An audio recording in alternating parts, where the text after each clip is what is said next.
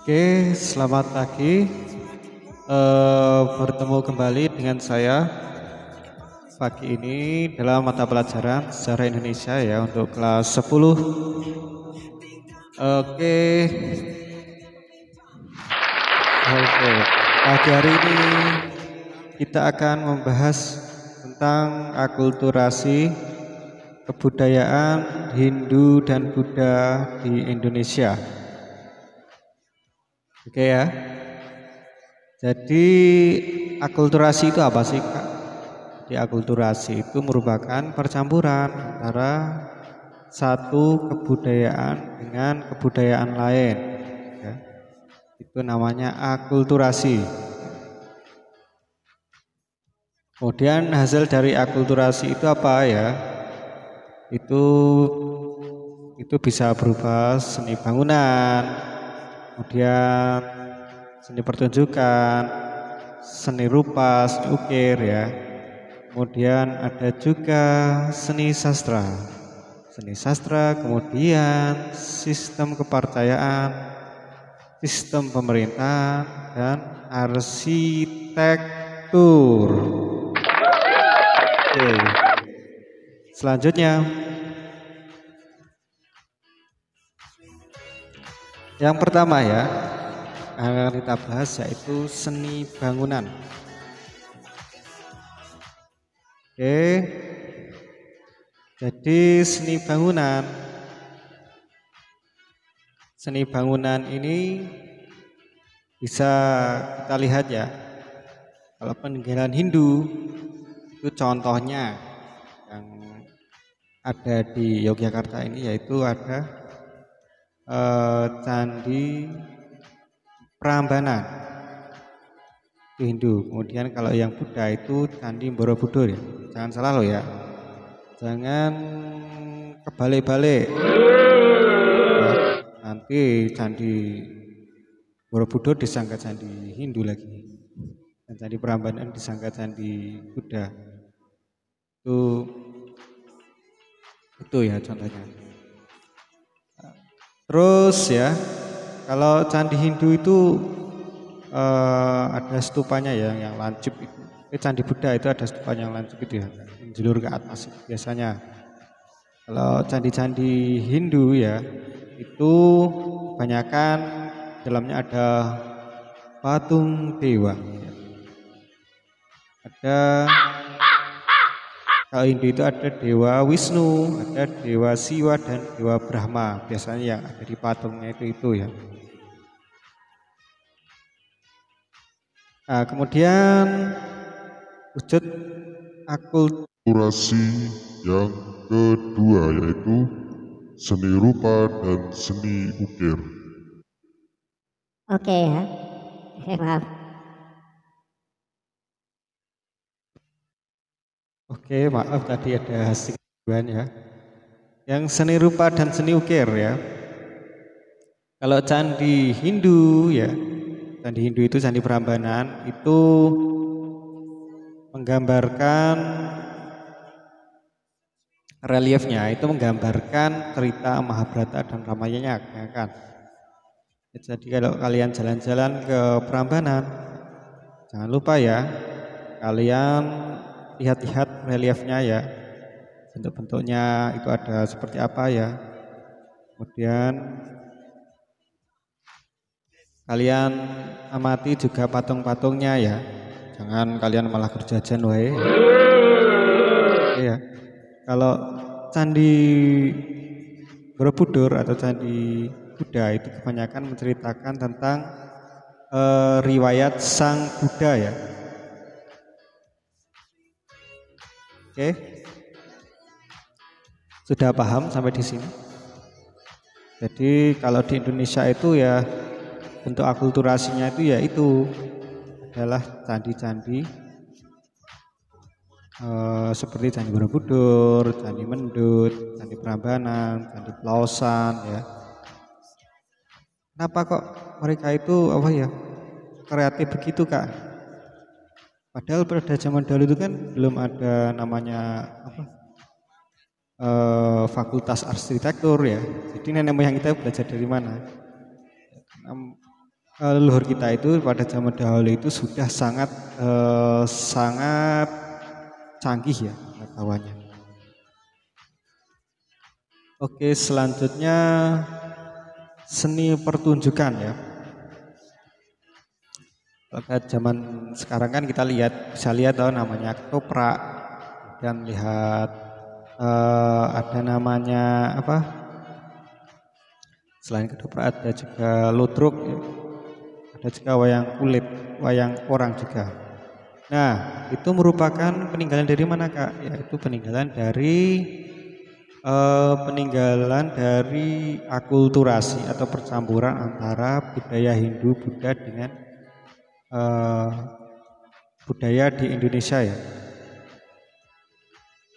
Jadi kalau kalian lihat juga uh, jadilan itu juga termasuk ya peninggalan dari Hindu juga. Kalau kalian apa amati.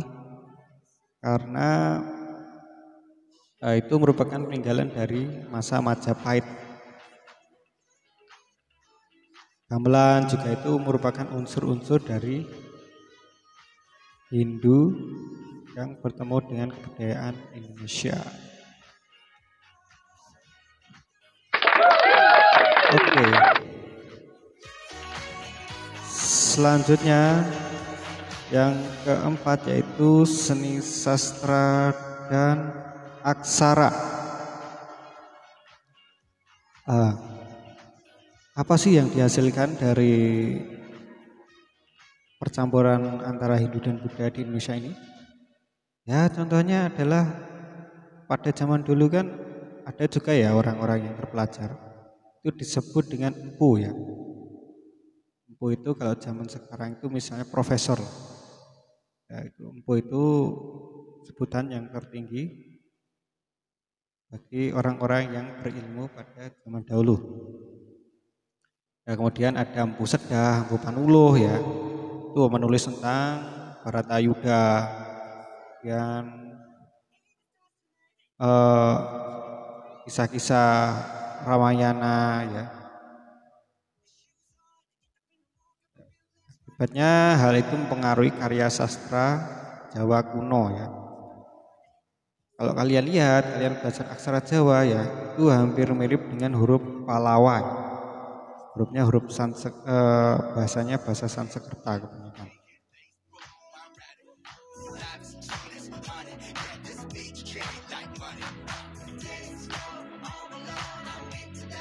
Oke, selanjutnya uh, kemudian sistem kepercayaan yang kelima. Sistem kepercayaan ini ya merupakan karena sebelum ada Hindu Buddha itu nenek moyang kita itu uh, menganut sistem kepercayaan animisme dan dinamisme. Kemudian masuklah agama Hindu.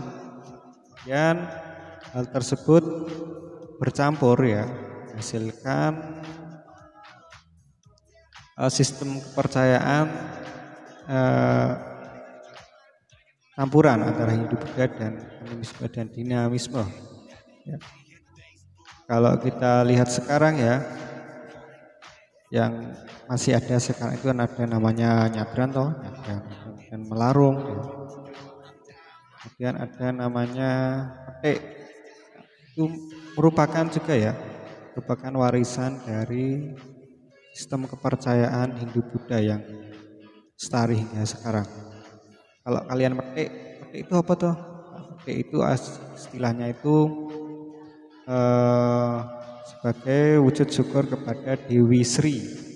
Dewi Sri itu dalam Hindu itu Dewi kemakmuran, Dewi padi juga.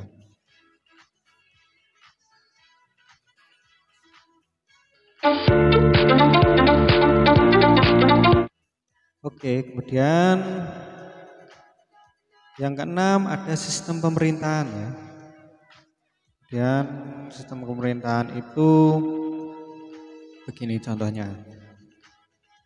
Eh, raja-raja ya yang memimpin kerajaan misalnya kerajaan Mataram, kerajaan Kutai itu dianggap memiliki kekuatan gaib. Gaib itu semacam mistik. Jadi misalnya eh, Panembahan Senopati itu dianggap memiliki aji-aji apa. Kemudian Mada juga memiliki aji-aji apa itu? Contohnya. Jadi orang-orang yang ada di kerajaan yang memerintah itu biasanya memiliki ilmu apa ya itu dan bahkan dianggap sebagai dewa. Raja itu dianggap sebagai dewa. Jadi raja itu adalah orang yang uh, suci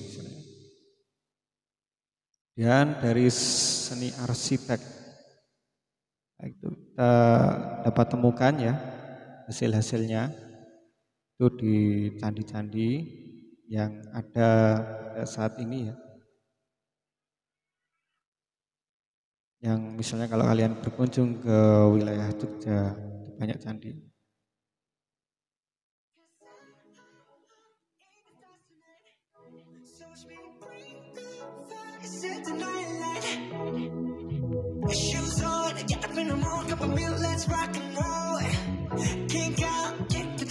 Oke, selanjutnya uh, untuk pertanyaannya ya. Pertanyaan yang pertama ya.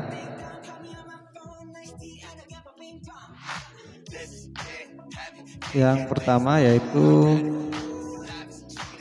uh, mengenai kisah cerita Mahabharata dan Ramayana. Mahabharata itu menceritakan tentang apa? ya. Yang B Ramayana itu menceritakan tentang apa? Oke. Maaf saya ulang lagi. Yang pertama itu kisah Mahabharata itu menceritakan tentang apa dan Ramayana itu menceritakan tentang apa? Dan yang kedua eh, yang A itu sebutkan candi-candi Hindu. Yang ke, yang kedua sebutkan candi-candi Buddha. Oke ya. Selanjutnya yang ketiga. Kitab Barayuta Yuda itu dikarang digubah oleh siapa?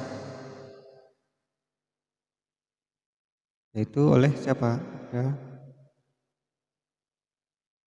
Empu Nena dan Empu bisa kalian lihat di eh, cari di internet.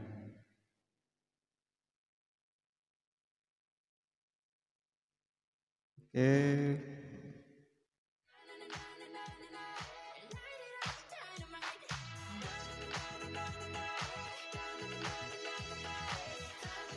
Uh, terima kasih. Uh, sekian dari saya. Bila ada kekurangannya saya mohon maaf. Uh, semoga kalian enjoy ya. Ya. Enjoy dengan pelajaran ini. Saya juga enjoy. Terima kasih atas perhatiannya. Sampai jumpa kembali dalam uh, kesempatan berikutnya. Uh, wassalamualaikum warahmatullahi wabarakatuh. Thank you.